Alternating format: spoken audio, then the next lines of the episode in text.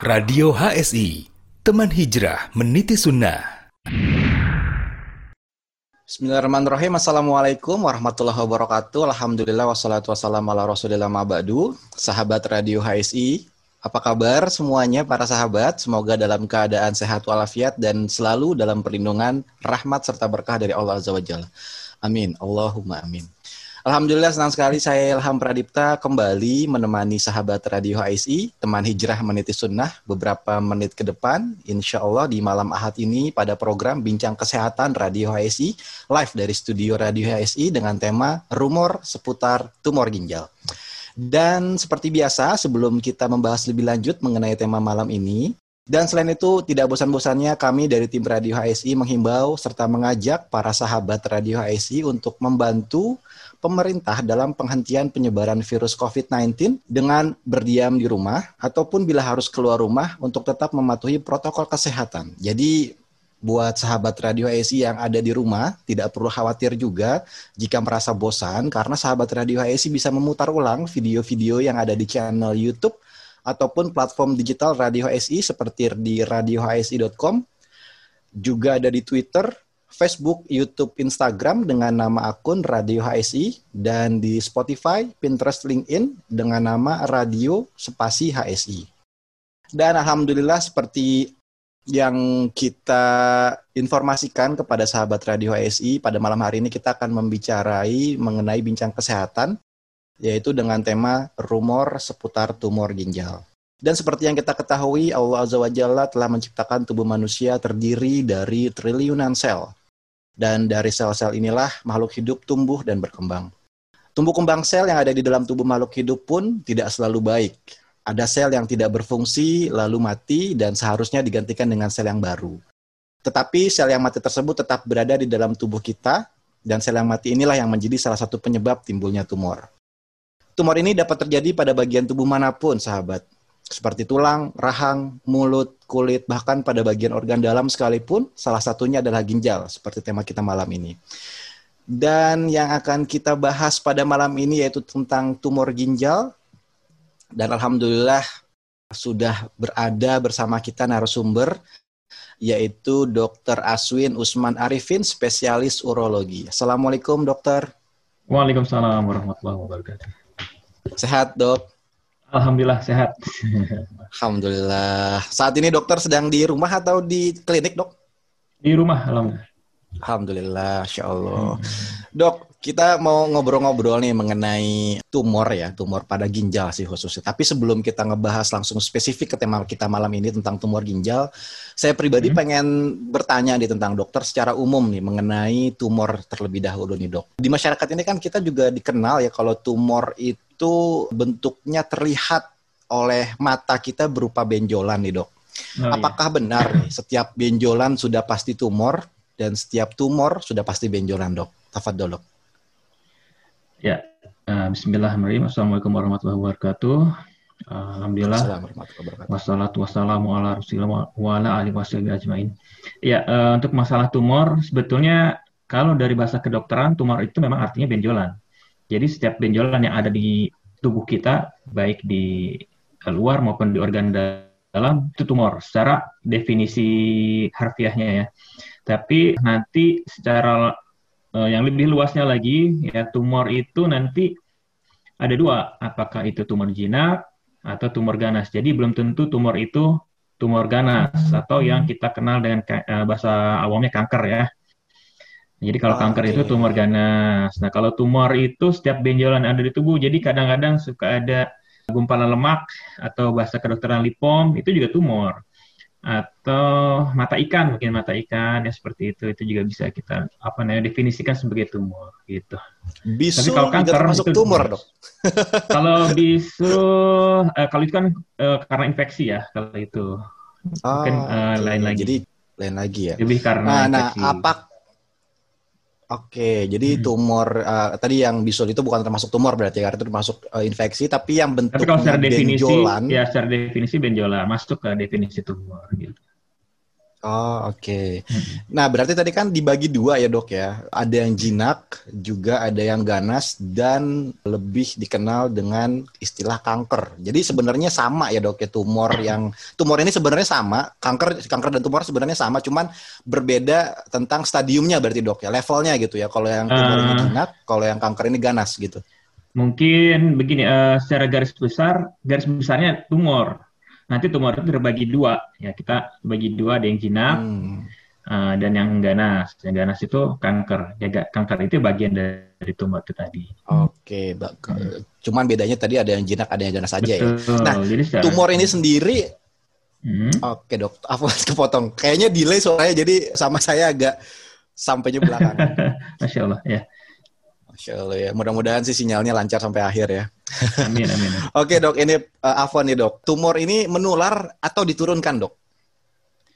Yang jelas tumor tidak menular, tapi kalau diturunkan betul. Dia jadi salah satu faktor yang bisa membuat seseorang terdapat penyakit tumor ya salah satunya faktor genetik, faktor turunan. Banyak sekali uh, tumor-tumor yang disebabkan oleh faktor genetik gitu. Rata-rata hampir semua mungkin bisa diturunkan gitu. Rata-rata. Oh, Uh, hmm. Jadi kayak kanker payudara gitu ya, kanker uh, apa nama lengket rahim, terus juga uh. kanker ginjal pun termasuk turunan dok. Betul, turunan. Apa jadi, tumor ginjalnya termasuk turunan?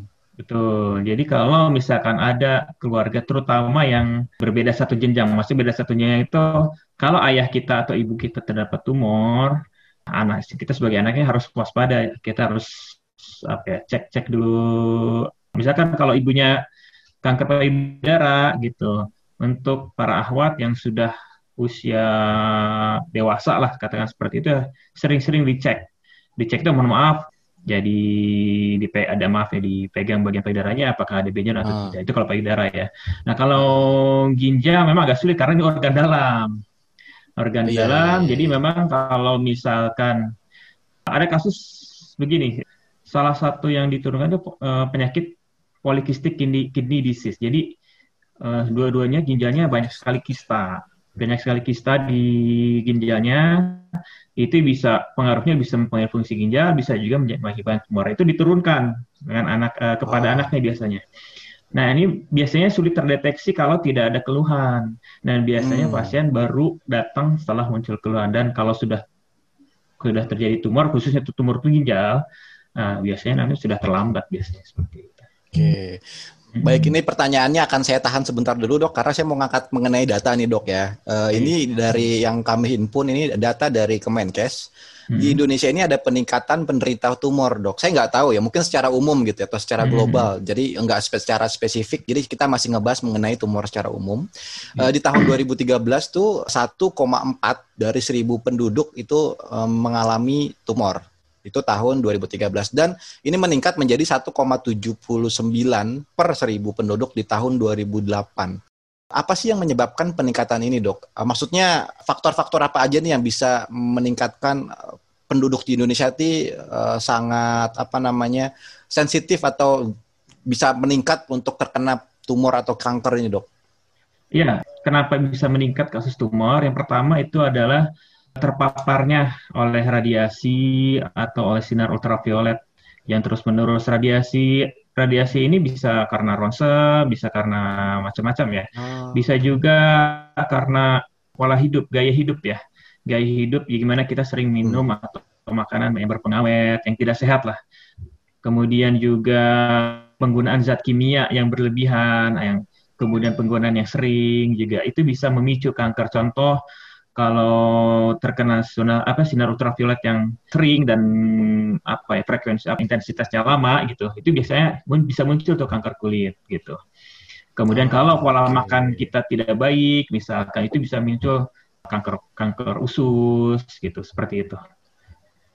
Oh, kurang okay. lebih jadi mungkin karena di tahun 2013 tadi ya gaya hidupnya mm -hmm. atau radiasinya nggak nggak nggak sebanyak pada tahun 2018 uh, jadi menyebabkan ada peningkatan untuk penderita pasien uh, tumor ini ya dok ya. Cuma kalau radiasi sebetulnya tidak ter, tidak bukan nomor satu ya mungkin pola hidup lah yang paling tinggi pola hidup itu karena pola ya. hidup penggunaan bahan kimia gitu dan lain-lain oh, sebagainya banyak. Obat-obatan ya dok ya. Betul obat-obatan juga, uh, juga tapi ya. ya tidak apa ya kan kalau obat kan kita tidak terlalu sering ya. Kalau penggunaan ya, kimia itu uh, bisa bisa bisa apa yang sering kita gunakan atau kontak gitu itu bisa. Misalkan begini formalin mungkin yang kerja di, di pabrik kimia atau apa mungkin sering menghirup formalin itu bisa ke paru-paru hmm. gitu. Atau merokok yang paling banyak itu merokok sih sebetulnya. Karena dari oh. gaya hidup terutama sekarang untuk saat ini mungkin anak SMP saja sudah merokok dan akibatnya angka CA paru meningkat. Tuh. Hmm. Iya betul betul. Udah bukan Seperti anak itu. SMP kayaknya dok. Ya bukan dari anak SD juga udah ada yang merokok. Sekarang merokoknya udah dari Oke, dok. kecil. Iya, iya. Oke, kita melanjutkan dari data sebelumnya nih, Dok. Apakah daerah tertentu itu bisa menjadi uh, ter terpengaruh juga terhadap peningkatan angka pasien kanker? Karena dari data sebelumnya ini kita mendapatkan bahwa tiga wilayah dengan angka tertinggi penderita kanker yaitu Yogyakarta, Sumatera Barat dan Gorontalo. Nah, kenapa sih bisa daerah-daerah tersebut itu menjadi lokasi yang memiliki pasien tumor atau kanker yang tertinggi di Indonesia, dok? Ya, balik lagi sih ke tadi uh, pola hidupnya atau seperti begini. Kalau yang paling sering itu di Pulau Litung itu kan banyak timah ya banyak timah oh, karena banyak paparan uh, radiasi dari logam itu juga banyak pasien-pasien yang kanker. Jadi contoh uh, dari kondisi geografis alaminya seperti itu juga itu bisa bisa menyebabkan kenapa suatu daerah itu lebih tinggi. Nah sekarang kalau Yogyakarta tadi apa Sumatera Barat sama Gorontalo. Ya. Iya ya. Sumatera dan nah, Gorontalo. Ini, kalau Sumatera Barat yang anda tahu mungkin itu ada ada pertambangan batu bara dan di situ mungkin banyak juga sih yang bisa terkena hmm. kanker ya. Kalau Yogyakarta Ana nggak tahu nih yang kasus tertingginya apa, tapi eh, hmm, uh, intinya setiap daerah bisa bisa mempunyai bisa mempunyai tingkat angka kanker tinggi itu karena bisa dari kondisi alami uh, daerah tersebut, bisa juga dari pola hidup masyarakatnya gitu. Ah, oke okay, oke. Okay. Nah dok kita balik nih ke mengenai bagaimana membedakan nih pasien dengan tumor pada organ luar yang nampak seperti benjolan ya dan mm -hmm. juga organ dalam dok. Kalau organ dalam kayak seperti ginjal ini kan atau paru-paru atau lain dan lain sebagainya dan membedakan sama tumor atau kanker yang memang terlihat benjolan tuh kalau benjolan kan kelihatan gitu maksudnya ya kalau yang di dalam organ kan memang nggak kelihatan hmm. betul nah ini apa aja sih uh, dok yang bisa kita lihat gitu ataukah dari gejalanya ataukah dari apa dia kalau misalnya di organ dalam itu ada mutah darah misalnya atau ada keluhan-keluhan hmm. lain yang yang yang memang kita bisa ketahuan oh dia ter, terindikasi itu terkena kanker A yang di organ dalam gitu. Kalau yang di organ luar misalnya tadi di payudara misalnya, hmm. itu kan bisa dipegang ada tonjolan ketahuan gitu kan langsung bisa dicek. Nah, hmm. apakah yang kanker di dalam organ dalam ini tuh harus ada keluhan yang cukup parah ataukah ada keluhan-keluhan penanda kalau misalnya oh ini ada indikasi nih ke tumor A gitu atau tumor B yang di organ dalam. Ya, kalau untuk organ dalam memang gak sulit ya ya itu tadi karena kita tidak bisa melihat, meraba, merasakan ya. Eh, kalau merasakan mungkin bisa, coba tidak bisa melihat dan merabanya ya. Kalau di luar seperti tadi dibilang kalau di kulit ada benjolan kita bisa lihat dan meraba. Begitu juga mohon maaf kalau pada ahwat ada payudara, ada benjolan di payudara bisa dilihat dan diraba. Nah, masalah di organ dalam itu tidak bisa kita lihat, kadang-kadang tidak bisa kita raba kalau ukuran masih kecil, kecuali kalau ukuran sudah besar. Oh, hmm. okay. Nah, jadi memang banyak kasus-kasus yang akhirnya terlambat ditangani karena keluhannya munculnya seperti misalkan kalau tumor ginjal ya. Tumor ginjal juga sebetulnya banyak pasien-pasien tidak sadar bahwa dirinya telah ada tumor ginjal sampai akhirnya tumor yang membesar, muncul benjolan di perut. Nah, pasien baru sadar, oh ada sesuatu di tubuh saya. Nah, seperti itu. Nah, hanya saja ketika sudah benjolan itu dirasakan teraba dari luar, itu arti tumor sudah menyebar. Artinya secara staging juga sudah tinggi biasanya. Seperti itu. Jadi memang agak sulit. nah, kalau masalah keluhannya apa saja, memang tergantung di mana kalau secara bicara kita bicara secara umum ya tergantung di mana posisi si tumor itu berada atau kanker itu berada. Apa, apakah misalkan di di nasofaring misalkan gejalanya bisa sering mimisan, tapi itu kan tidak spesifik kadang-kadang ya. Kalau di ginjal ada keluhan sering sakit pinggang, sering kencingnya merah, itu pun tidak spesifik, itu pasti kanker. Tapi kadang-kadang tidak tidak secara sengaja ditemukan gitu. Misalkan ada pasien keluhan kalau di tumor ginjal ada keluhan sakit pinggang. Misalkan sakit pinggang sebelah kanan. Kemudian kita biasa lakukan pemeriksaan USG terlebih dahulu di awal. Nah, baru dari USG itu baru ketahuan, oh ternyata ada gambaran kira-kira seperti tumor. Seperti itu. Jadi, kalau hanya dari gejala agak sulit. Terlalu banyak gejala-gejala yang menyerupai gejala dari tumor. Oh, jadi memang harus ada langkah pengecekan selanjutnya ya, Dok ya. Betul. Seperti apa namanya tadi ronsen mungkin atau saya kurang tahu deh untuk pengecekan penyakit ya. USG berarti ya. Hmm, tergantung posisi tumornya ya. Coba kalau ginjal, kalau untuk kita bicara tumor ginjal, untuk diagnostik awal kita USG dulu. Walaupun eh, berarti USG itu nggak hanya untuk wanita, berarti kan dok ya laki-laki pun kalau memang ada gejala tumor ginjal ya di USG juga kan? Ya, USG itu penggunaannya luas, tidak hanya pada kehamilan pada wanita, betul. Iya. Jadi yeah dari istilahnya dari ujung kepala sampai kaki pun bisa gitu tergantung nanti kita menggunakan probe USG yang mana kita penggunaannya yang iya, mana iya. jadi USG bisa Iya, yeah, karena masih dikenal sama orang awam itu USG hanya untuk ibu hamil. ya, betul, betul. Masih banyak yang belum tahu penggunaan USG seperti apa. Taip, taip. Dok, nah kalau misalnya untuk melakukan pencegahan, dok, tadi kan uh, katakan tumornya ini adalah tumor yang diturunkan gitu ya. Diturunkannya itu kan bisa dari ibu atau bapaknya berarti ya dok ya. Betul betul. Nah, nah gimana? Apakah ada tips gitu atau gimana caranya gini dok untuk melakukan pencegahan sedini mungkin ketika katakan dia memiliki riwayat penyakit genetik dari orang tuanya yang memang memiliki kanker dan punya kemungkinan untuk diturunkan penyakit kankernya ini. Nah ini gimana caranya dok untuk pencegahannya biar tidak terkena dok? Ya, seperti kalau kita bicara pada kasus tumor ginjal gitu, ketika kita mengetahui bahwa oh orang tua kita ini ada tumor ginjal nih gitu. Hmm. Langkah pertama kita USG aja, USG meskipun kita tidak ada keluhan, USG hmm. aja kita coba USG ke radiologi, ke dokter radiologi minta di USG untuk bagian ginjalnya.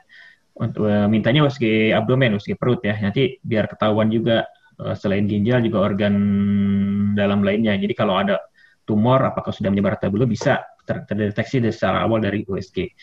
Nah, mungkin seperti itu kalau untuk ini. Cuma kalau untuk kita bisa secara umum untuk masing-masing tumor itu mempunyai gejala yang berbeda, mempunyai staging yang berbeda, pemeriksaannya pun berbeda. Jadi kalau misalkan ada, misalkan itu balik lagi kalau ahwat misalnya ada tumor payudara, uh, ibunya ada tumor payudara, kanker payudara, selain tadi harus uh, diraba ada benjolan, mungkin ada pemeriksaan lainnya, misalkan di mamografi gitu. Kemudian ya banyak lagi lah. Kalau misalkan di organ lain juga banyak banyak apa namanya pemeriksaan-pemeriksaan yang secara spesifik nanti. Gitu. Ah, baik, baik. Nah, ini kalau misalnya kita ingin melakukan pemeriksaan tuh hanya tinggal ke bagian radiologi atau harus ke dokter umum atau konsultasi dok, biar ada apa sih nama istilahnya tuh kayak dirujuk gitu untuk untuk melakukan oh, iya. seperti itu. Ya, sebaiknya sih datang ke dokter spesialisnya.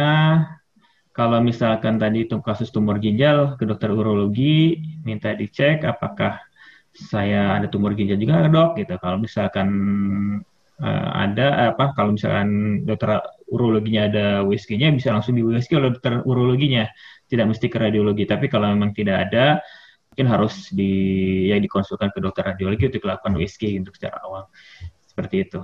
Uh. Jadi sebaiknya sih ke dokter spesialisnya. Kalau misalkan tadi kalau ibunya ada tumor payudara ya ke dokter bedah onkologi. Kalau misalkan ada riwayat keluarga yang misalkan kanker usus ya ke dokter bedah digestif bisa seperti itu lakukan pemeriksaan aja sih sejak dini.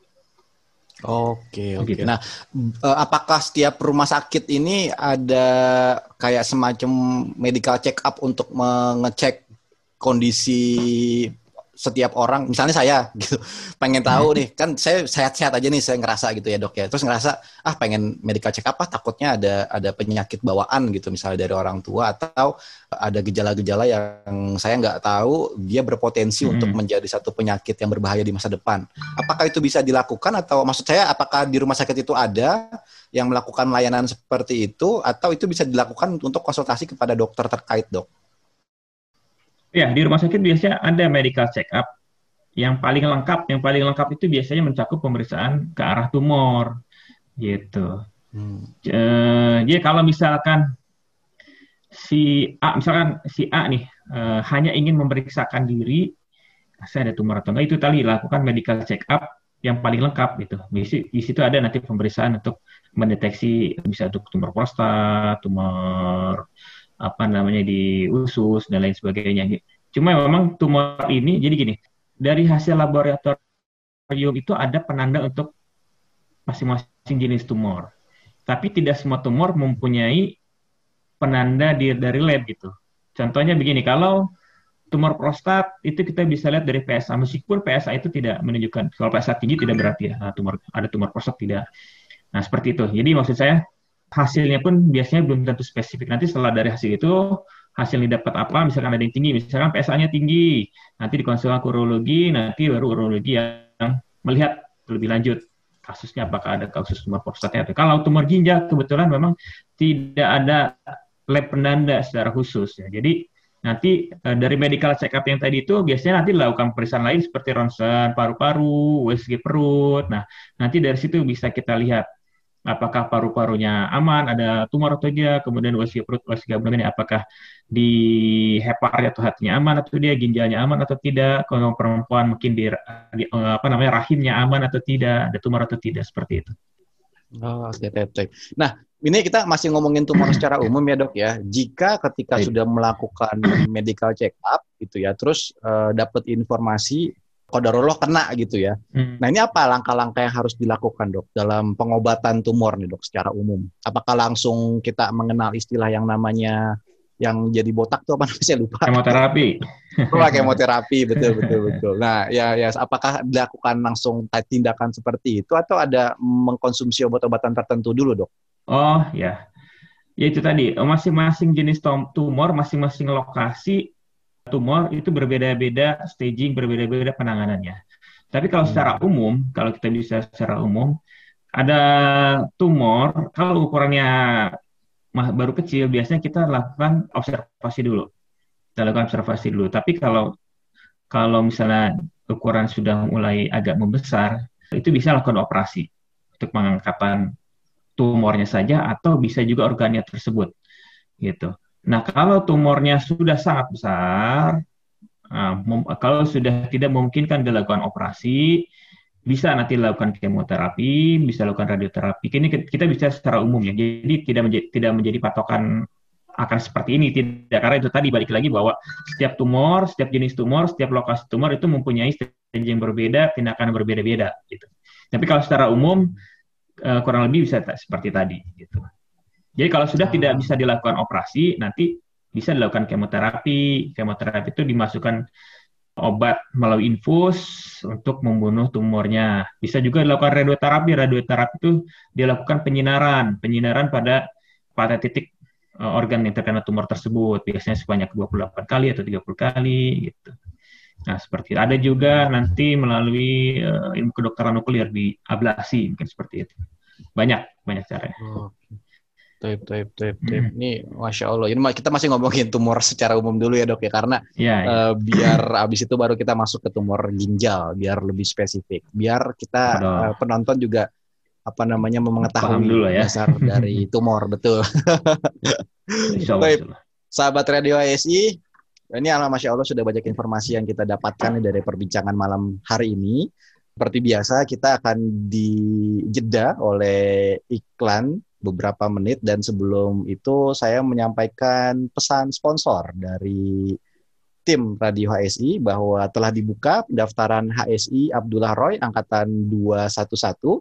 Pendaftaran melalui aplikasi ada di iOS dan Android, silakan diinstal ya dan bisa juga mendapatkan info lengkapnya di daftar titik HSI titik ID garis miring reguler.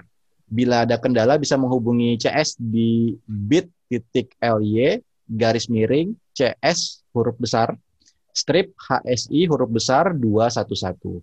Dibuka sampai dengan tanggal 6 Desember 2020 jam 21.00 waktu Indonesia Barat. Atau bisa juga dilihat di running text selama acara ini berlangsung. Ada di bawah sini ya, sahabat Radio HSI. Dan jangan ke mana-mana, stay terus bersama saya setelah jeda pariwara berikut ini. Pembukaan pendaftaran HSI Abdullah Roy, Angkatan 211. Assalamualaikum warahmatullahi wabarakatuh. Alhamdulillah, atas nikmat dan taufik dari Allah Azza wa Jalla, pendaftaran grup WhatsApp HSI, Halakoh Silsilah Ilmiah Abdullah Roy, Angkatan 211, telah dibuka. Halakoh Silsilah Ilmiah Abdullah Roy adalah salah satu program belajar akidah Islam secara online yang diasuh dan dibimbing oleh Ustadz Dr. Abdullah Roy, Hafizahullah. Beliau adalah seorang doktor di bidang akidah, lulusan Universitas Islam Madinah, sekaligus pengajar kajian berbahasa Indonesia bagi jamaah haji, umroh, dan pelajar di Masjid Nabawi tahun 2013 hingga 2017. Waktu pendaftaran Pendaftaran peserta akan dibuka sampai dengan Ahad, 6 Desember 2020, pukul 21 waktu Indonesia Barat, insya Allah. Cara mendaftar 1. Unduh dan install aplikasi HSI di Play Store melalui link bit.ly slash HSI Android atau App Store melalui link bit.ly slash HSI iOS. 2. Buka aplikasi HSI di handphone Anda masing-masing. 3. Klik daftar HSI. 4. Isi form dengan lengkap dan benar. 5. Klik register. 6. Tunggu notifikasi. 7. Cek kode via WhatsApp. 8. Kirim kembali kode via WhatsApp ke nomor yang tercantum dalam notifikasi. 9. Selesai dan tunggu instruksi selanjutnya melalui WhatsApp atau aplikasi. Syarat pendaftar Calon peserta grup WhatsApp HSI Abdullah Roy adalah pengguna WhatsApp yang masih aktif dengan usia minimal 10 tahun. Memiliki gadget dan kuota yang memadai untuk menerima materi yang akan disampaikan melalui grup WhatsApp dan mengerjakan evaluasi melalui web hsi.id. Bersungguh-sungguh dan berkomitmen mengikuti pembelajaran silsilah sampai akhir berkomitmen mengikuti evaluasi di setiap silsilah. Anda memiliki kendala? Silakan hubungi customer service pendaftaran melalui link bit.ly slash cs-hsi 211. Semoga Allah memberi karunia kepada kita, ilmu yang bermanfaat, akhlak yang mulia, dan amal soleh yang diterima. Barakallahu fikum.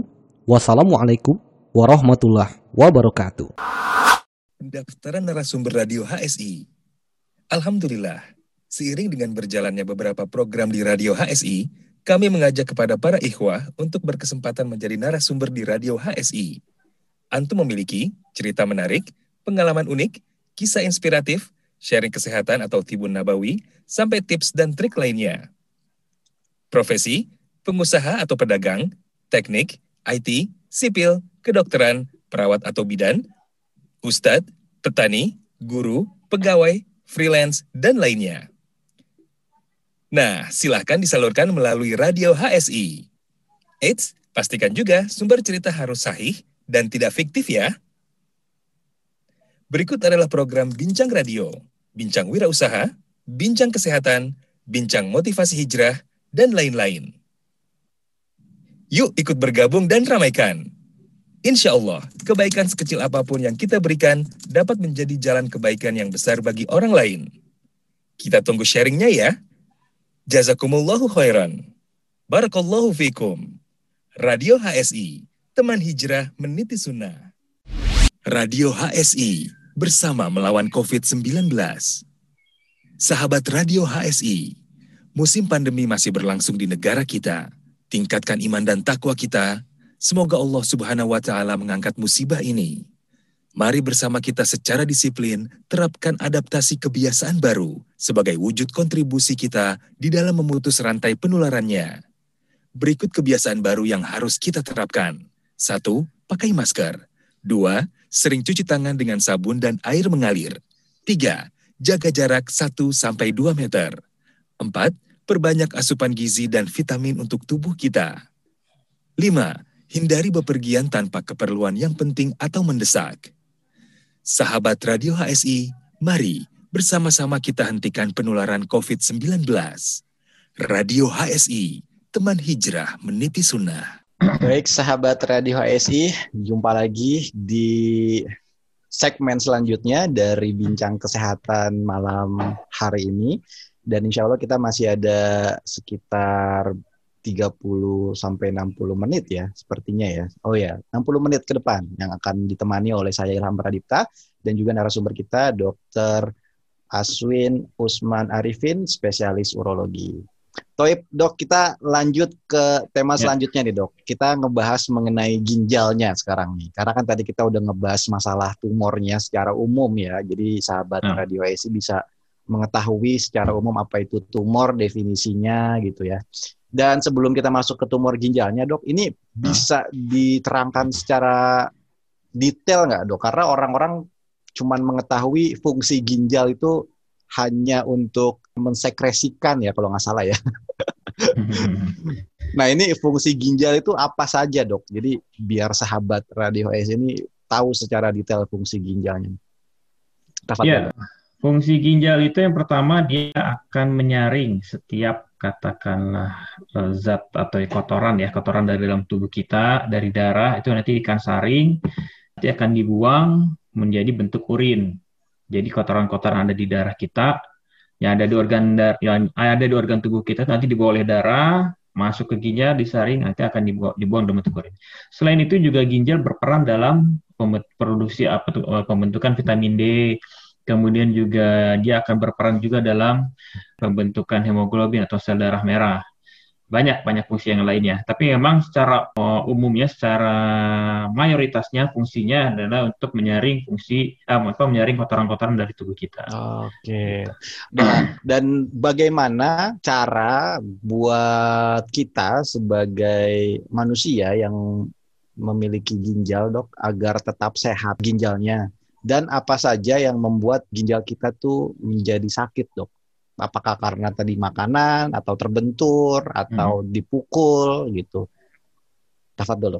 Iya. Bagaimana menjaga agar ginjal kita tetap sehat? Sebetulnya pertama adalah banyak minum ya. Minum kalau laki-laki itu minimal dua setengah liter sehari, 24 jam. Oh. Kalau perempuan minimal 2 liter. Sebetulnya ada ada ada hitungannya lagi berdasarkan berat badan.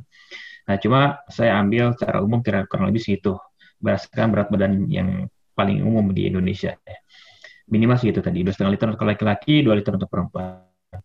Nah kencingnya juga kebiasaan kencingnya juga harus baik. Maksudnya tidak boleh sering tahan gitu ya. Hmm.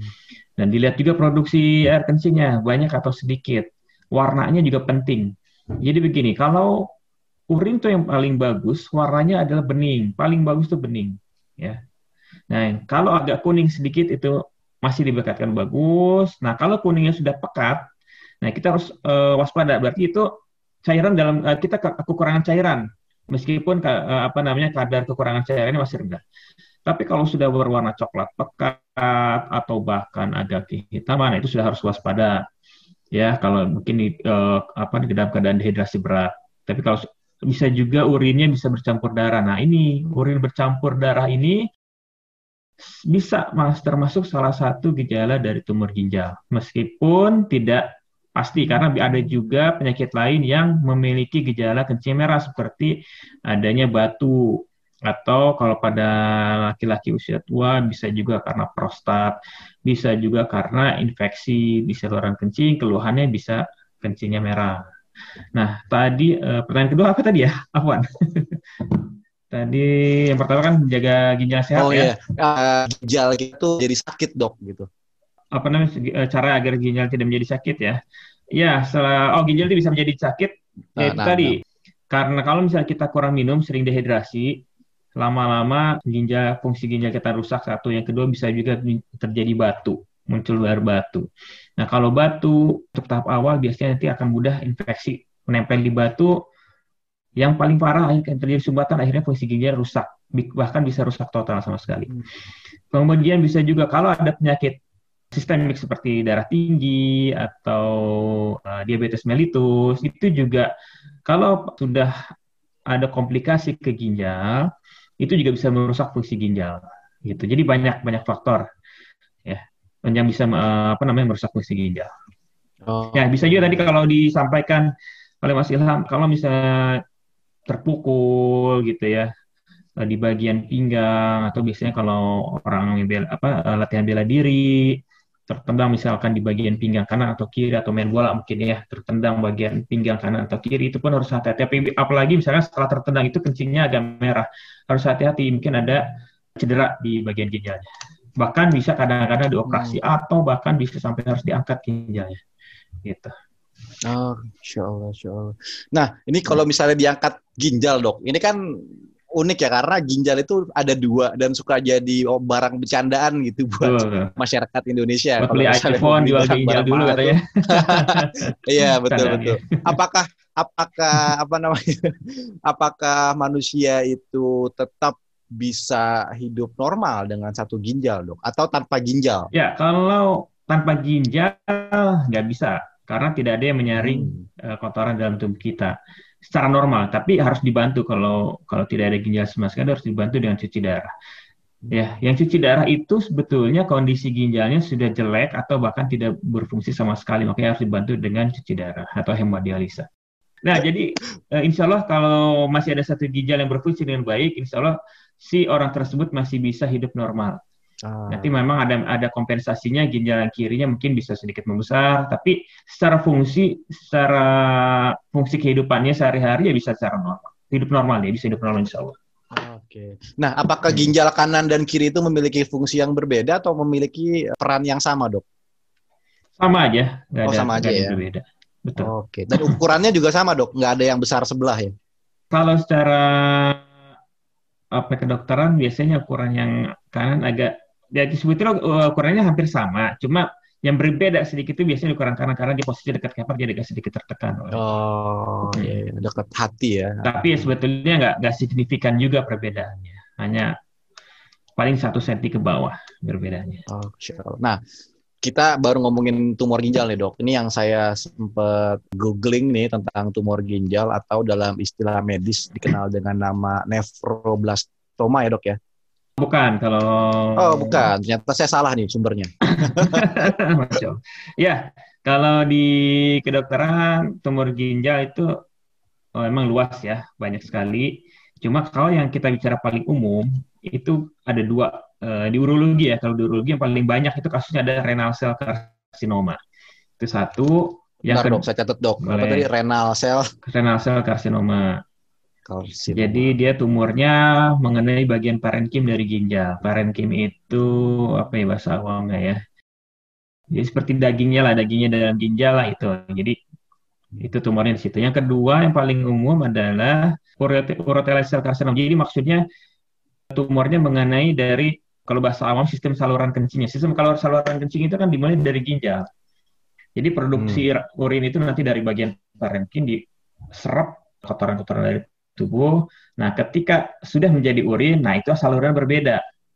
Kalau dari ginjal, ada yang disebut dinamakan kaliks. Dari mulai kaliks minor dulu, nanti masuk kaliks mayor, nanti masuk ke pelvis renalis, nanti baru masuk ke saluran ureter, dari ureter masuk ke kandung kencing, dari kandung kencing masuk ke saluran ureter saluran kencing bagian bawah, baru keluar kencingnya. Nah, tadi sistem, kalau dari sistem saluran kencing, Nah, itu beda lagi jenis tumornya. Tapi kalau secara umum, tumor ginjal itu yang paling sering itu. Nanti memang ada lagi, seperti tadi yang uh, Mas Ilham sebutkan, nefroblastoma itu, tapi kalau saya bicara, ada squamous cell carcinoma. Gitu. Jadi banyak, tergantung jenis oh. tumornya apa. Ternyata nggak salah-salah juga gitu sumbernya ya, tapi beda jenis mungkin. Uh, ya. Tumor ini, tumor ginjal ini termasuk jinak atau ganas, dok? Itu tadi secara umum ada yang jinak, ada yang ganas. Hmm, kalau oh, terbagi jinak, lagi berarti ya? Terbagi lagi, ya betul. Bisa apa namanya kalau jinak angiolipom contohnya. Cuma kalau yang ganas, memang paling banyak itu yang ganas seperti renal cell carcinoma tadi yang saya sebutkan yang paling banyak kasusnya ah, di seluruh dunia. Yang buat parenkim tadi ya yang menyerang dagingnya ya. Ah, Betul. Oke. Okay. Nah, ini angka pasiennya di Indonesia ya, Dok ya itu seberapa banyak dok atau seberapa tinggi kejadian kejadiannya di Indonesia ini untuk penderita tumor ginjal yang yang kanker tadi itu yang yang para renal cell yang menyerang parenkima ya. ya. Ya kalau angkanya sendiri di Indonesia saya sih belum belum baca lagi yang data terakhir berapa. sebentar. Tapi kalau di seluruh dunia angkanya ya sebenarnya itu tidak terlalu besar. Yang paling besar itu kalau kalau di kasus urologi paling hmm. tinggi itu biasanya uh, kanker prostat, ya kanker prostat, hmm. terus kanker uh, buli-buli atau kanker kandung kencing, ya baru nanti kanker ginjal. Gitu. Jadi uh, sebetulnya arti kasusnya tidak hmm. terlalu banyak. Hmm. Oh ya, berarti artinya kasusnya ini tidak terlalu banyak dan banyak menyerang kaum pria berarti dok ya? Enggak, enggak juga sih. Oh, uh, dua-duanya bisa. Dua-duanya bisa. Tapi memang lebih tinggi sedikit di pria tapi tidak terlalu signifikan sih angkanya. Kalau untuk usia dok, ini yang paling hmm. banyak menderita tumor ginjal ini siapa dok? Ya kalau us usia kalau secara teori dia usia apa 50 ke atas ya. Tapi banyak juga pasien-pasien yang umur 40 tahunan seperti ada saya kasus terakhir pasien umur 40 tahun ada tumor ginjal gitu. Hmm. Apa sebabnya sih dok gitu, bisa terjadi? Iya, nah, penyebab hmm. dari tumor ginjal ini sendiri eh, apa dok? Apalagi tadi menyerangnya di usia-usia 40 ke atas ya? Ya, kalau penyebab kalau secara teori itu berhubungan dengan obesitas ya otomatis pola hidup ya. Oh, iya. Kemudian iya. juga kondisi hipertensi itu juga bisa mempengaruhi dari tumor ginjal dan turunan, faktor turunan. Gitu. Hmm. hmm, hmm. Oh. Ada juga kalau dia tadi saya sebutkan, kalau ada batu ya, bat, misalnya gini, kan di Indonesia itu cukup banyak ditemukan, misalnya terutama orang tua ya. Misalkan pada saat usia muda 30-40 tahun, dia sudah sering sakit pinggang, tapi kan zaman dulu mungkin akses kesehatan masih sulit ya. Mm-hmm. Jadi banyak kakek nenek kita ya tidak berobat. Nah, ketika usia tua datang berobat ke kita, ada batu besar, ternyata mm-hmm. sudah disertai tumor. Nah, tapi ini oh. jenis tumornya beda lagi, bukan renal cell carcinoma, ini squamous cell uh, carcinoma. Itu juga beberapa kali saya dapat setelah itu kebanyakan secara tidak sengaja pada saat operasi angkat batu, doh ada tumor gitu. Jadi sulit memang tidak untuk mendeteksi. Memang untuk kasus tumor ginjal ini kebanyakan kasusnya ditemukan secara tidak sengaja gitu. Oh gitu. Betul. Nah, kalau pasien-pasien sudah mengeluhkan gejala kencing merah, kemudian sakit pinggang dan disertai adanya benjolan di perut, nah itu artinya hmm. gejalanya sebenarnya sudah sudah parah. Gitu. Apalagi kalau sudah benjolan terabak ya dari luar, nah itu sudah hmm. besar tumornya. Bahkan mungkin ada kemungkinan sudah meluas tumornya gitu. Ah, sure, hmm. sure. Afwan dok, tadi uh, berarti uh, jenis-jenis tumor ginjal ini ada berapa jumlahnya dok? Tadi kayaknya banyak dok banyak nyebutin empat ya? Ya sebetulnya berarti... kalau jenisnya sangat banyak sekali ya. Hmm. Cuma yang yang paling umum yang paling sering ada di apa namanya kasus-kasus urologi itu tadi renal cell carcinoma, itu satu yang kedua urothelial cell carcinoma, yang ketiga squamous cell carcinoma. Oh, itu, itu yang tuh, paling sering terjadi ya? Betul, itu tuh ya, jenis ya. tumor berdasarkan pemeriksaan histopatologi. Jadi dicek ke uh, bagian uh, patologi anatomi nanti si jenis tumornya apa. Nah, yang paling banyak itu itu nanti renal cell carcinoma, urothelial cell carcinoma, dan squamous cell carcinoma. Gitu. Oke. Nah, kalau di dokter sendiri sudah menangani hmm. ketiga pasien dengan riwayat penyakit seperti ini, Dok? Kalau saya yang paling banyak renal cell carcinoma dan squamous cell. Justru yang urothelial cell carcinoma saya jarang saya dapatkan. Oke. Nah, apakah cara penanganannya sama seperti cara tadi untuk menjaga ginjal tetap sehat, Dok? Kayak pola hidup kayak minum air putih sesering mungkin. Kalau hmm. untuk misalnya tadi laki-laki dua setengah liter, perempuan 2 liter, hmm. at, uh, dengan cukup menjaga pola makan atau ada ada faktor lain, Dok? untuk pencegahannya nih tumor ginjal ini. Karena tadi hmm. apalagi kan saya dapat info dari dokter ini cukup cukup apa ya? Cukup mengerikan lah karena ditemukan penyakitnya ini karena kebetulan gitu, bukan karena tuh, apa tuh. namanya? Bukan karena memang merasakan gejalanya kan. Kalau misalnya orang sakit jantung misalnya kan organ dalam itu kerasa gitu kan sakit dadanya dan memang harus di ronsen gitu. Kalau tadi ke ginjal kan faktornya banyak. Mungkin orang ngerasa batu ginjal gitu. Hmm. Kayak di beberapa waktu yang lalu tuh teman saya mungkin juga saya merasakan kayak duduk gitu, pegel pinggang. Kalau teman saya bilang itu kurang minum air putih katanya. Tapi hmm. setelah minum air putih memang hilang sakit pinggangnya. Nah, ini hmm. kan berbahaya nih, Dok. Nah, kalau pencegahannya, Dok, apa yang harus kita lakukan nih sebagai anak muda apalagi sekarang banyak jajanan-jajanan yang bisa membahayakan ginjal ya. iya. Itu tadi pola hidup ya. Pola hidup kalau dari minum banyak perbanyak air putih, sebaiknya hindari minuman-minuman berpengawet, ber, uh, kemudian juga menggunakan pewarna buatan atau pemanis buatan, hindari itu. Merokok jelas bisa menyebabkan apa namanya kanker di banyak organ. Kemudian juga ya, makanan ya otomatis makanan juga bisa berpengaruh dan jangan sampai juga ada penyakit. Jadi kan saya sebutkan ada penyakit hipertensi juga bisa pengaruh bisa mempengaruhi terjadinya tumor ginjal. Tapi secara umum begini, ya faktor genetik itu sangat pengaruh. Misalkan si suami istri misalnya, kan biasanya pasti makan minumnya sama gitu ya. Tapi kenapa hmm. si suami jadi tumor ginjal si istri enggak gitu? Itu nanti ditentukan lagi faktor genetik. Ya kalau kita hmm. bicara secara Islam sebetulnya memang sesuai takdir karena memang ya kita ada istilah ada cadang ini uh, di kedokteran mungkin masih-masih yang terkena tumor itu seolah-olah terkena jackpotnya lah gitu. Hmm. Ya karena uh, si A, si B, si C, si D sama-sama makan minumnya sama gitu. Tapi kenapa hanya si A saja yang kena tumor ginjal gitu. Nah itu kadang-kadang tidak ada faktor genetik juga gitu. Nah hmm. pencegahannya apa sulit ya karena apa namanya itu tadi karena apa tumor ginjal ini gejalanya baru apa biasanya baru kita temukan pada saat tumornya sudah menyebar luas gitu akhir akhirnya banyak pasien-pasien yang tidak merasa ada sesuatu di ginjalnya gitu. Ya, tapi secara umum itu seperti tadi aja tersebut. Angka atau tingkat kematiannya bagi penderita tumor ginjal ini tinggi tidak dok? Ya, kalau untuk tumor memang tergantung stagingnya ya. Apakah hmm. tumornya satu besar atau kecil? Apakah tumornya masih di sekitar organnya? Misalnya kalau tumor ginjal, ukurannya seberapa besar? Yang kedua, apakah tumornya masih di sekitar ginjal saja atau sudah menyebar ke organ sekitar, organ terdekat. Organ terdekat ginjal itu ada pembuluh darah besar vena cava inferior, ada adrenal. Nah, apakah sudah meluas ke yang lebih jauh seperti misalnya ke paru-paru, ke hepar atau ke tulang dan lain sebagainya. Jadi eh, tindakannya berbeda-beda dan res, eh, tingkat kematiannya semakin tinggi stagingnya otomatis semakin tinggi tingkat kematiannya. Tapi kalau memang stagingnya masih awal, misalkan tumornya masih hanya di sekitar ginjal meskipun ukuran besar, tapi kalau misalkan masih hanya di sekitar ginjal, tumor dengan diangkat ginjal sih insya Allah angka harapan hidupnya lebih besar dibandingkan kalau yang sudah menyebar gitu. Oke, tip. Nah, ini kan hmm, pengobatannya salah satunya adalah mengangkat dok ya. Berarti entah itu tumornya saja yang diangkat atau termasuk sama ginjalnya nih dok. Jika tumornya saja yang diangkat, apakah ada kemungkinan dia bisa terkena kembali dok dengan kasus yang sama?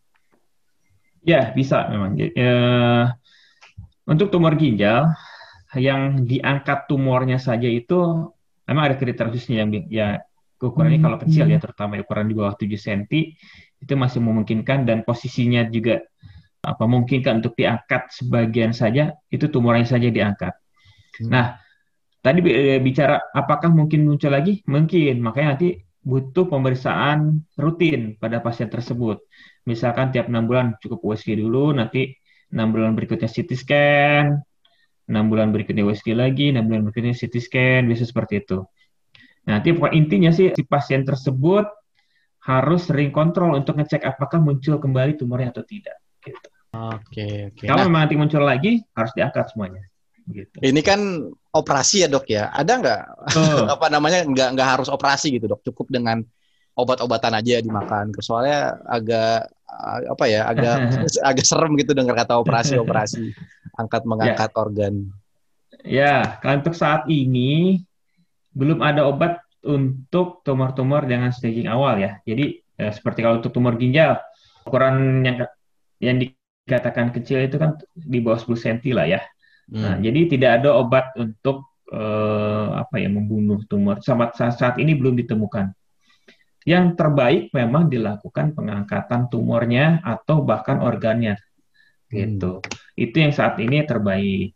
Gitu. Nah, nanti kalau kasusnya sudah menyebar luas, yang disebut kemoterapi tadi obat untuk membunuh sel-sel tumor, tapi juga itu pun kadang-kadang efektivitasnya tidak uh, cukup baik ya. Kadang-kadang hanya 40%, 50% untuk bisa membunuh sel sel kanker. Jadi memang belum ada pengobatan yang betul-betul bisa dikatakan sangat baik itu belum ada saat ini. Oh, gitu. Oke. Okay. Pilihannya cuma satu berarti dok ya? Ya, kalau tumornya kecil, pilihan cuma satu, harus dioperasi. Tidak ada pilihan. Cuma jenis operasinya oh. ada dua, ada yang operasi di bedah, secara biasa ada juga laparoskopik. Laparoskopik ini tidak dibedah dengan secara konvensional, tapi dengan membuat lubang-lubang kecil di perut, kira ada, ada sekitar tiga lubang. Ya, nanti operasinya dari lubang-lubang terus nanti uh, apa namanya tumornya yang diangkat atau ginjal yang diangkat dikeluarkan melalui lubang tersebut. Jadi tidak uh, ukuran sayatan tidak besar dan biasanya lebih bagus ininya prognosisnya terhadap pasien tersebut. Oke. Lebih efisien mana dok operasinya yang pertama atau yang lab kalau apa tadi yang atau yang laparoskopi? Mm -mm. Laparoskopi ya. Studinya kalau tidak salah sih saya yang tidak saya salah ingat mungkin hasilnya hampir sama sih. Cuma mungkin lebih ke arah pos operasinya ya. Jadi apakah pemulihannya cepat atau tidak biasanya dilakukan laparoskopik itu lebih cepat hasilnya. Lebih ah, baik. Oke oke oke. Nah, jika orangnya pasien atau seseorang gitu dok ya, dia merasa baik-baik saja gitu ya. Mm -hmm. Terus ketika seperti yang tadi kejadiannya itu dia merasa sehat, datang ke dokter, diperiksa, ternyata positif tumor ginjal gitu ya atau ketika dilakukan operasi itu ada tumor ginjal maksud saya adalah intinya gini takut susah gitu saya nanya karena bahasa medis. Dia itu terlambat untuk penanganan tumor ginjal apakah bisa mengakibatkan hilangnya nyawa dok? Bisa bisa. Terlambatnya itu ter itu tadi balik lagi tergantung stagingnya staging tumor tersebut. Kalau organnya hanya ber, uh, berada di sekitar uh, ginjal dengan diangkat uh, diangkat ginjal atau tumornya yaitu uh, sudah baik artinya harapan hidupnya lebih tinggi. Tapi kalau terlambat dalam artian tumor yang sudah meluas ke mana-mana, terutama ke apa sudah apa namanya meluas jauh ke hepar atau paru-paru, otomatis angka harapan hidupnya menjadi kecil uh, dan risiko kematian akan sangat tinggi. Ah, oke oke oke, masya Allah, masya Allah. Hmm. Berarti uh, ya tadi kan saya juga mendengar penjelasan dokter tuh agak ngeri ngeri gimana gitu karena nggak ada nggak ngerasa gejala gitu ya, nggak ngerasa. Yeah, ya yeah. pokoknya intinya merasa sehat karena kan saya juga merasa pede sehat gitu ya, tapi ternyata saya hmm. suka minum minuman yang ada pengawet katakanlah seperti itu, makan juga kadang-kadang suka hmm. Eh, nggak hmm. uh, terjaga gitu kan. Makanya agak, betul, agak betul, khawatir betul. gitu. Khawatirnya kena ya. ke diri sendiri aja sih. kalau kalau yang saya lihat memang kalau tidak ada riwayat keluarga yang apa yang punya riwayat sakit tumor memang agak sulit ya karena kita tidak hmm. tidak ada mungkin kalau tidak ada gejalanya kecuali kita kalau mau dilakukan medical check up misalnya yeah. terutama kalau pasien terutama pada apa namanya orang-orang yang sudah mendekati umur 40 tahun atau bahkan lebih, lebih baik dilakukan medical check up rutin. Ah, gitu. Nah, uh, rutinnya seberapa rutin, Dok? Saya agak agak agak kurang apa ya, agak kurang mendapatkan informasi yang cukup jelas ketika ada orang mm-hmm. menyebutkan medical check up itu harus rutin. Nah, rutin ini apakah sebulan sekali, apakah enam bulan sekali, ataukah setahun sekali? Ya kalau yang kita bicara baik itu setahun sekali ya, kalau bicara baiknya. Hmm. Cuma kan Tergantung juga apa yang goal atau tujuan yang kita mau dari medical check up itu apa gitu. Kalau yang kita inginkan apakah mengetahui ada tumor atau tidak, saya rasa nggak perlu nggak perlu setahun sekali juga sih ya. Kecuali kalau memang dia mau sih nggak masalah. Bisa terutama ya itu tadi teman yang mendekati umur 40 tahun sebaiknya sih dicek. Hmm. Kemudian kapan di, di medical, uh, dilakukan medical check up lagi? Ya bisa tiga tahun lagi atau lima tahun kalau untuk mengetahui apa ada tumor atau tidak ya. Hmm. Nah, tapi kalau kita bicara yang paling baik masih setiap tahun sekali, cuma memang kan biayanya agak lumayan. Betul, betul, betul. Kalau untuk pemeriksaan medical check up untuk mengarah ke tumor. Gitu. Tape, tape dok. Sahabat Radio AS ini menarik ya karena saya baru tahu juga kalau ginjal itu ada tumornya. Jadi dan apalagi tadi ditambah informasi dari Dokter Aswin bahwa tumor ginjal ini gejalanya tidak kelihatan gitu. Dan hmm. kita sebagai kaum muda yang insya Allah jika diberi umur sampai uh, tua nanti ya kita bisa melakukan pencegahan sedini mungkin dari informasi yang disampaikan oleh Dr. Aswin. Dan seperti biasa, sahabat Radio ASI, kita akan ada jeda iklan. Jangan ke mana-mana, stay tune terus bersama saya setelah jeda pariwara berikut ini. Pembukaan pendaftaran HSI Abdullah Roy, Angkatan 211. Assalamualaikum warahmatullahi wabarakatuh. Alhamdulillah, atas nikmat dan taufik dari Allah Azza wa Jalla, pendaftaran grup WhatsApp HSI, Halakoh Silsilah Ilmiah Abdullah Roy, Angkatan 211 telah dibuka. Halakoh Silsilah Ilmiah Abdullah Roy adalah salah satu program belajar akidah Islam secara online yang diasuh dan dibimbing oleh Ustadz Dr. Abdullah Roy, Hafizahullah. Beliau adalah seorang doktor di bidang akidah lulusan Universitas Islam Madinah, sekaligus pengajar kajian berbahasa Indonesia bagi jamaah haji, umroh, dan pelajar di Masjid Nabawi tahun 2013 hingga 2017. Waktu pendaftaran Pendaftaran peserta akan dibuka sampai dengan Ahad 6 Desember 2020 pukul 21 waktu Indonesia Barat insya Allah. Cara mendaftar 1 Unduh dan install aplikasi HSI di Play Store melalui link bit.ly slash HSI Android atau App Store melalui link bit.ly slash HSI iOS. 2. Buka aplikasi HSI di handphone Anda masing-masing. 3. Klik daftar HSI. 4. Isi form dengan lengkap dan benar. 5. Klik register. 6. Tunggu notifikasi. 7. Cek kode via WhatsApp. 8. Kirim kembali kode via WhatsApp ke nomor yang tercantum dalam notifikasi. 9. Selesai dan tunggu instruksi selanjutnya melalui WhatsApp atau aplikasi. Syarat pendaftar Calon peserta grup WhatsApp HSI Abdullah Roy adalah pengguna WhatsApp yang masih aktif dengan usia minimal 10 tahun.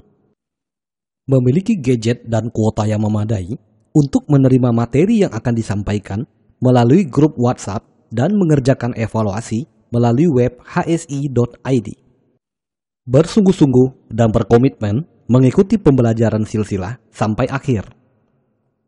Berkomitmen mengikuti evaluasi di setiap silsilah. Anda memiliki kendala silakan hubungi customer service pendaftaran melalui link bit.ly slash cs-hsi211. Semoga Allah memberi karunia kepada kita, ilmu yang bermanfaat, akhlak yang mulia, dan amal soleh yang diterima. Barakallahu fikum. Wassalamualaikum warahmatullahi wabarakatuh. Pendaftaran narasumber radio HSI. Alhamdulillah, seiring dengan berjalannya beberapa program di radio HSI, kami mengajak kepada para ikhwah untuk berkesempatan menjadi narasumber di Radio HSI. Antum memiliki cerita menarik, pengalaman unik, kisah inspiratif, sharing kesehatan atau tibun nabawi, sampai tips dan trik lainnya. Profesi, pengusaha atau pedagang, teknik, IT, sipil, kedokteran, perawat atau bidan, ustadz, petani, guru, pegawai, freelance, dan lainnya. Nah, silahkan disalurkan melalui radio HSI. Eits, pastikan juga sumber cerita harus sahih dan tidak fiktif ya. Berikut adalah program Bincang Radio, Bincang Wirausaha, Bincang Kesehatan, Bincang Motivasi Hijrah, dan lain-lain. Yuk ikut bergabung dan ramaikan. Insya Allah, kebaikan sekecil apa pun yang kita berikan dapat menjadi jalan kebaikan yang besar bagi orang lain. Kita tunggu sharingnya ya. Jazakumullahu khairan. Barakallahu fikum. Radio HSI, teman hijrah meniti sunnah. Radio HSI, bersama melawan COVID-19. Sahabat Radio HSI, musim pandemi masih berlangsung di negara kita. Tingkatkan iman dan takwa kita. Semoga Allah Subhanahu wa taala mengangkat musibah ini Mari bersama kita secara disiplin terapkan adaptasi kebiasaan baru sebagai wujud kontribusi kita di dalam memutus rantai penularannya. Berikut kebiasaan baru yang harus kita terapkan.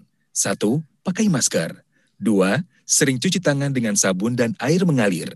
Tiga, jaga jarak 1-2 meter. Empat, perbanyak asupan gizi dan vitamin untuk tubuh kita.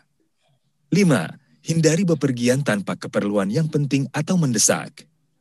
Sahabat Radio HSI, mari bersama-sama kita hentikan penularan COVID-19. Radio HSI, teman hijrah meniti sunnah.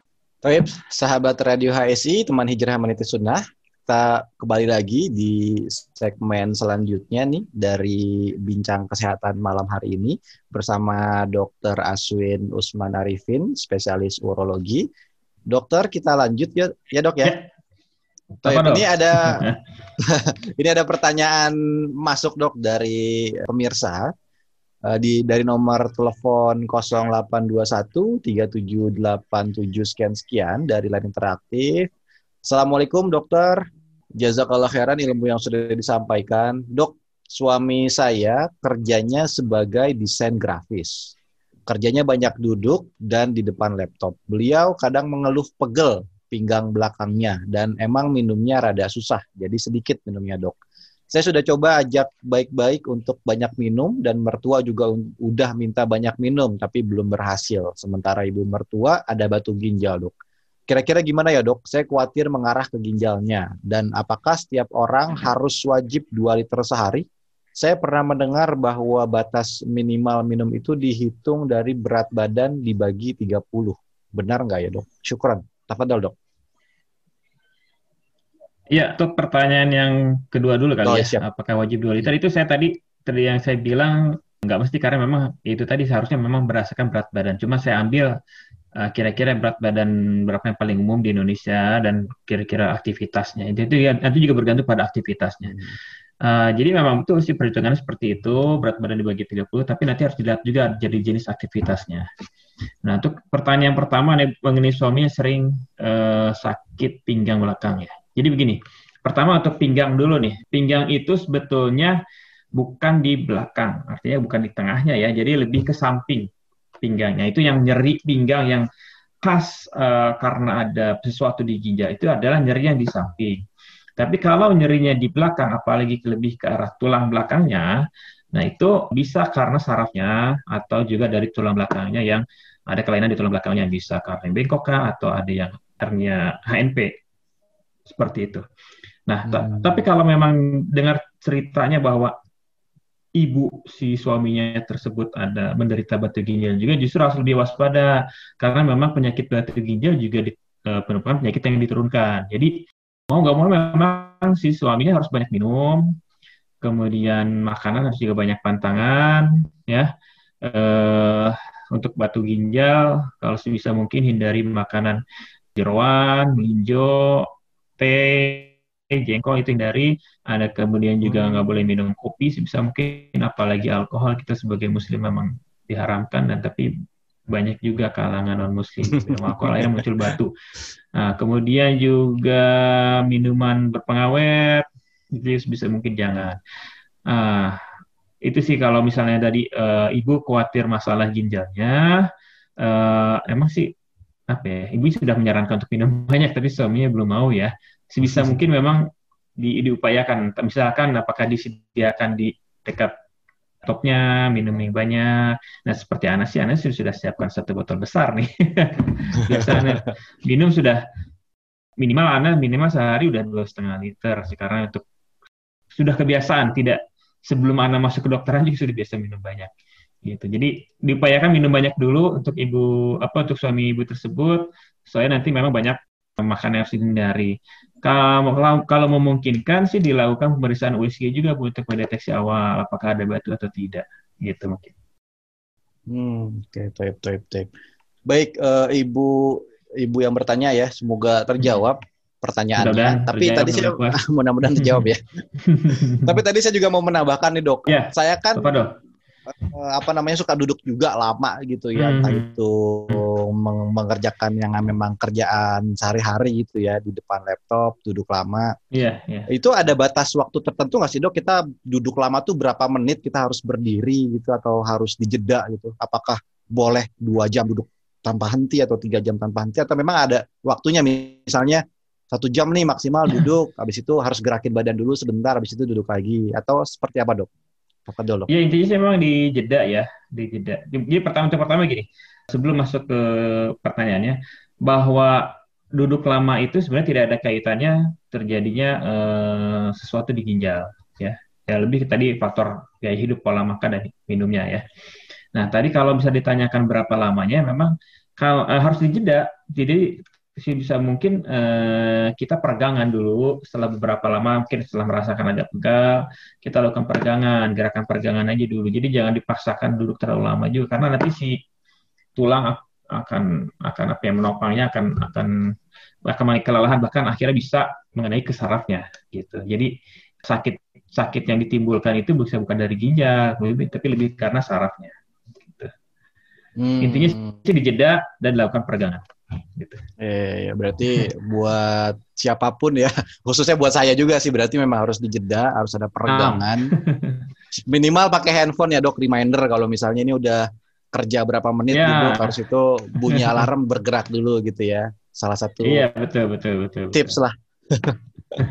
Oke, okay, dok kita kita masuk ke masalah tumor ginjal nih dok. Uh, ini bisa terjadi yeah. sama anak-anak nggak dok? tumor ginjal ini? Banyak, banyak, banyak juga. Oh, banyak juga uh, terjadi sama anak-anak ya? Iya, jenis tumornya cuma berbeda kan ya. Yang hmm. tadi Mas Ilham sebutkan nephroblastoma, bisa, tapi yang paling banyak untuk anak-anak tumor Wilms gitu. Ya setelah diangkat, oh. biasanya harus dilakukan kemoterapi. Gitu. Oh itu harus kemoterapi dok ya? Biasanya tergantung itu tadi balik ke stagingnya. Kenapa bisa terjadi sama anak-anak dok? Secara kan mereka juga harusnya uh, lebih lebih lebih sehat ya secara hmm. secara logika gitu kan. Maksudnya yeah. makanan mungkin dijaga sama orang tua gitu. Dan anak-anak ini iya. usianya yeah. berapa, Dok? Bahkan dari lahir pun bisa aja sudah muncul. Oh. Jadi begini, munculnya tumor itu salah satu teorinya adalah terjadi mutasi pada gen.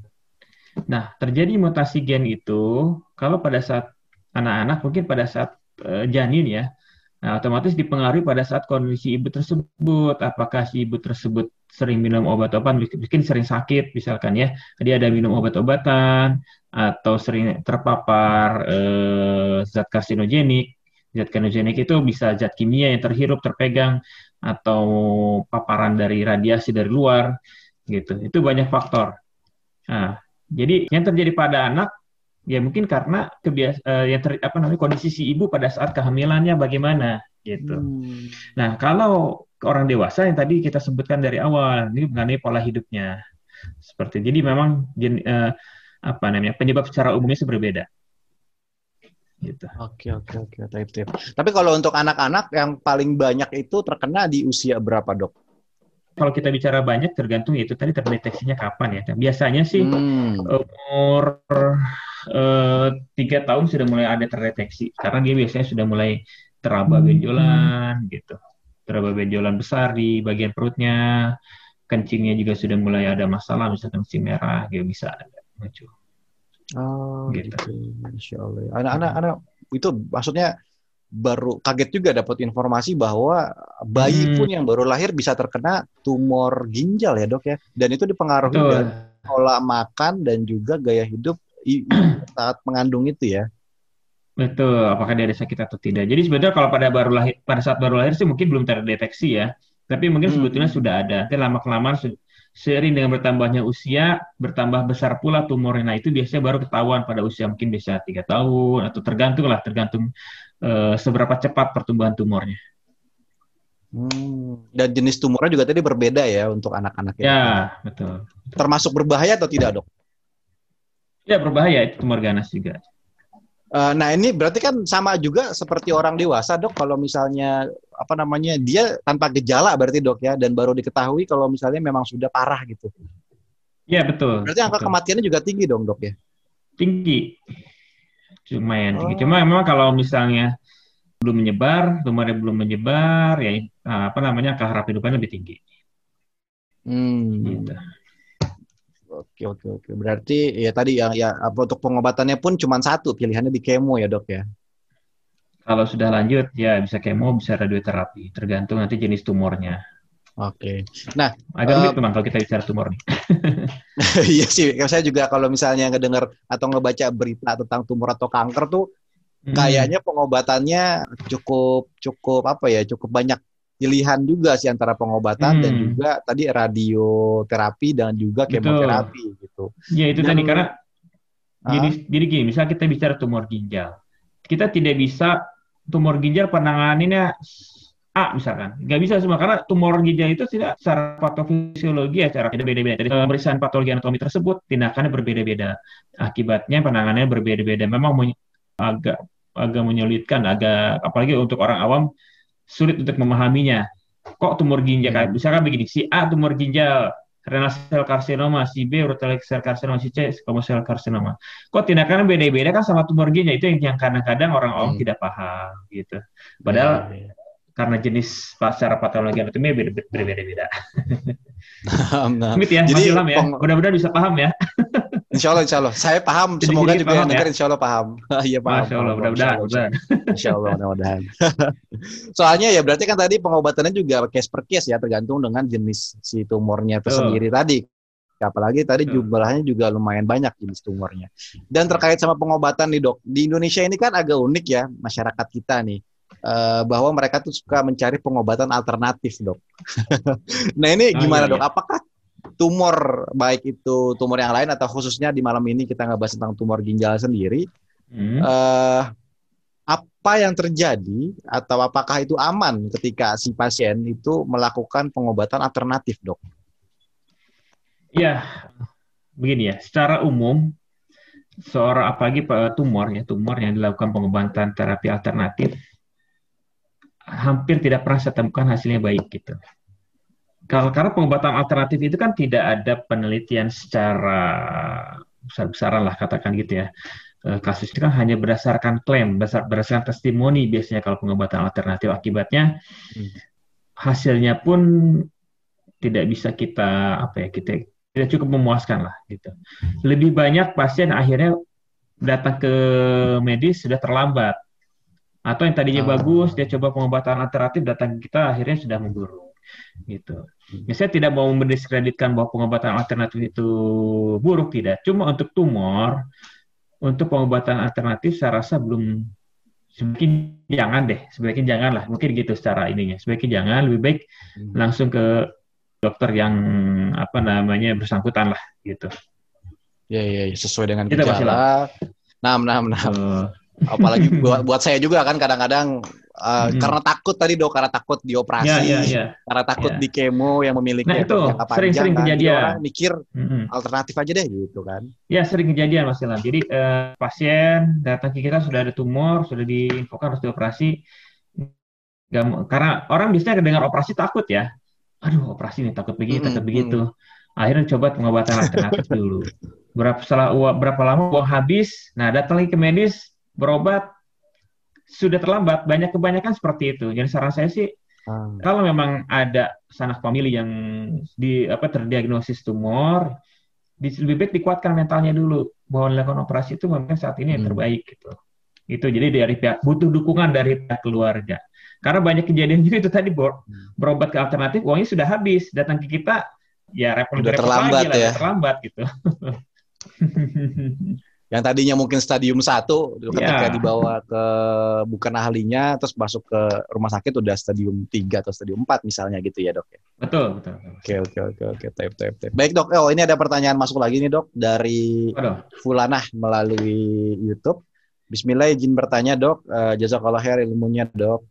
Dokter misal warna urinnya normal atau bening tapi minumnya sedikit itu mungkin atau tidak dok atau harus minum banyak dulu baru warna kuningnya bening? Syukran kalau khair. Ya, itu tadi harus sesuai dengan jumlah minimal air minum harus diminum sesuai dengan berat badan dan sesuai aktivitasnya. Jadi kalau minum sedikit air bening, saya rasa hampir nggak mungkin ya.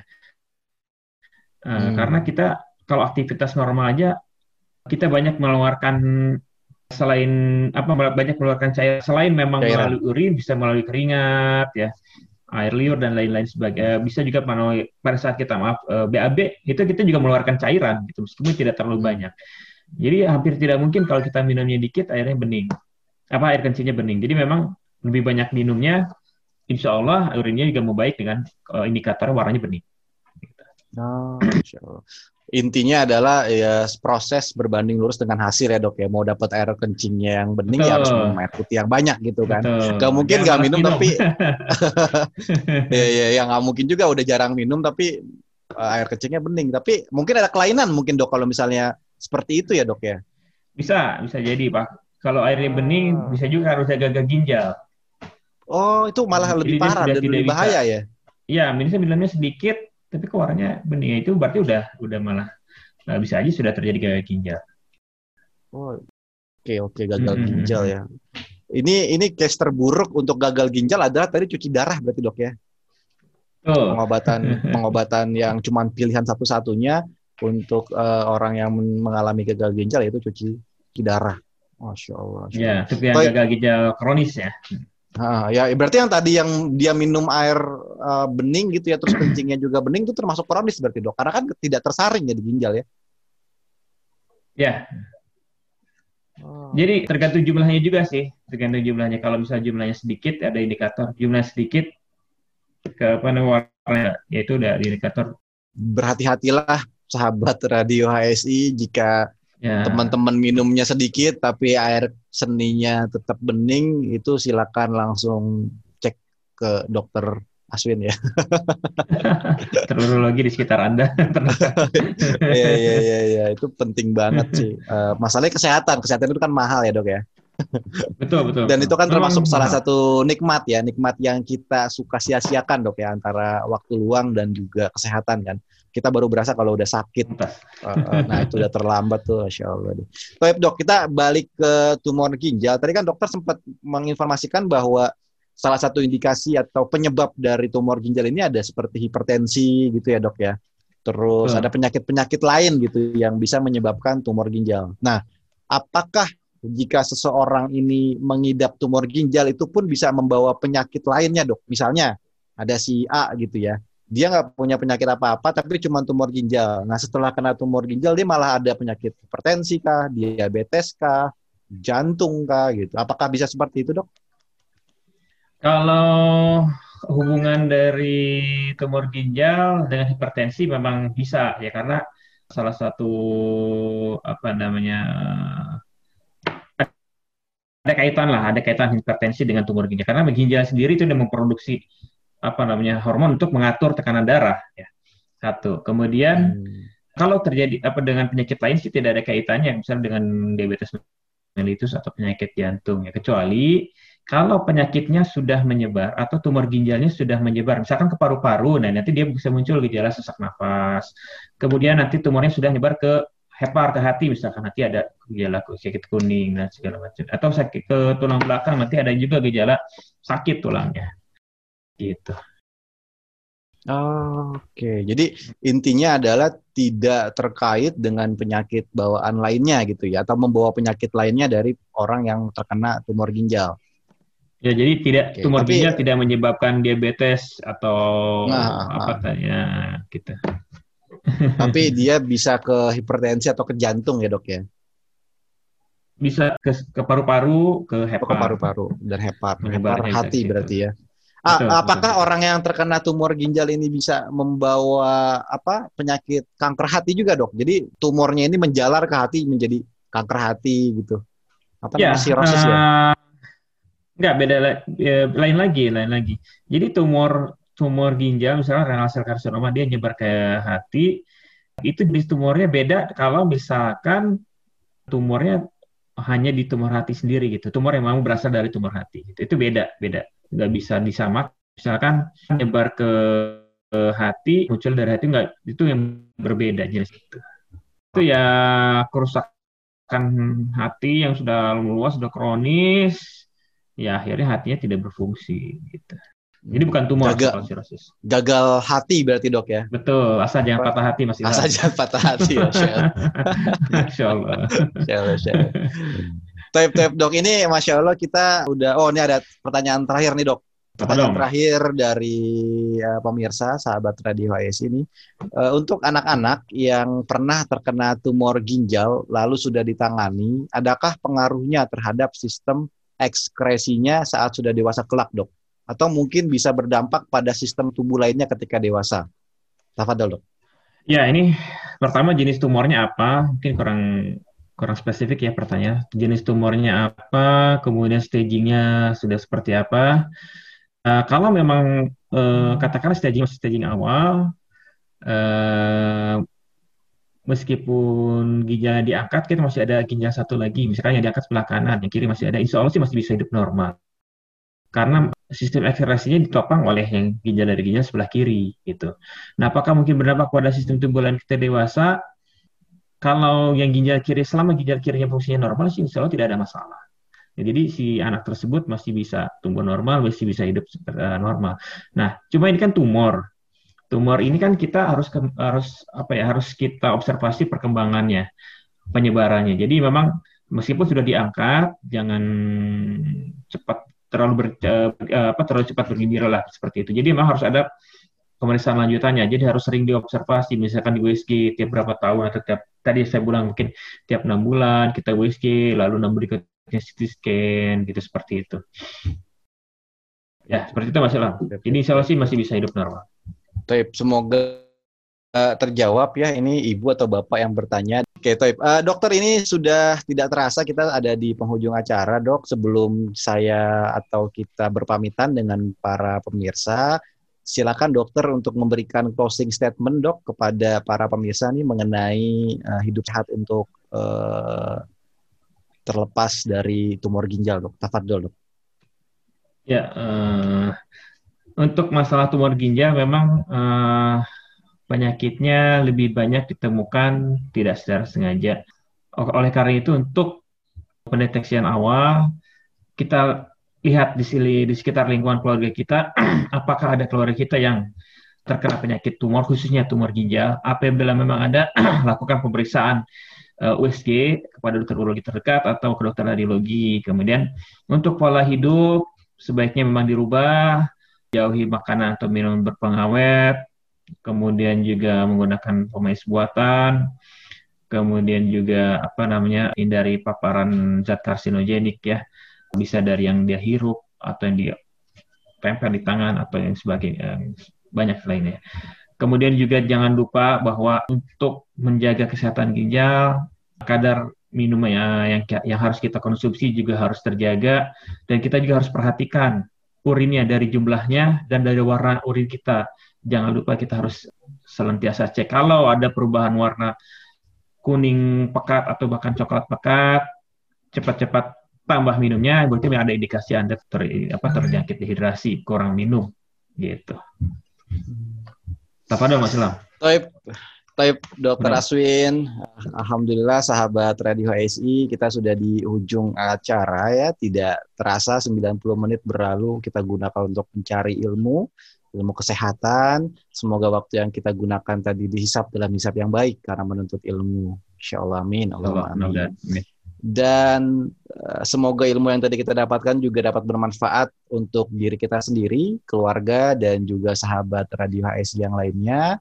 Dan kami ingatkan sekali lagi untuk para pemirsa atau penonton ya atau pendengar ya yang dari platform audio yang belum bergabung untuk menjadi member HSI, para sahabat ini bisa mendaftar di pendaftaran HSI Abdullah Roy angkatan 211, pendaftaran melalui aplikasi, silakan diinstal atau di-download dari iOS dan Android ya. Info lengkapnya ada di daftar titik HSI titik ID garis miring reguler. Bila ada kendala bisa menghubungi CS di bit titik LY garis miring CS huruf besar semua strip HSI huruf besar semua 211. Pendaftaran dibuka sampai dengan tanggal 6 Desember 2020 pukul 21 waktu Indonesia Barat atau bisa juga sahabat radio HSI lihat di running text di bawah saya ini. Dan kami dari tim Radio HSI mengucapkan jazakallah khair kepada dokter atas ketersediaan waktunya dan sharing ilmu bersama sahabat Radio HSI dan juga kepada dan juga kepada para sahabat Radio SI yang sudah menyaksikan program Bincang Kesehatan sampai akhir. Insya Allah jika Allah izinkan, semoga Radio ASI bisa membahas hal lainnya bersama Dr. Aswin ya.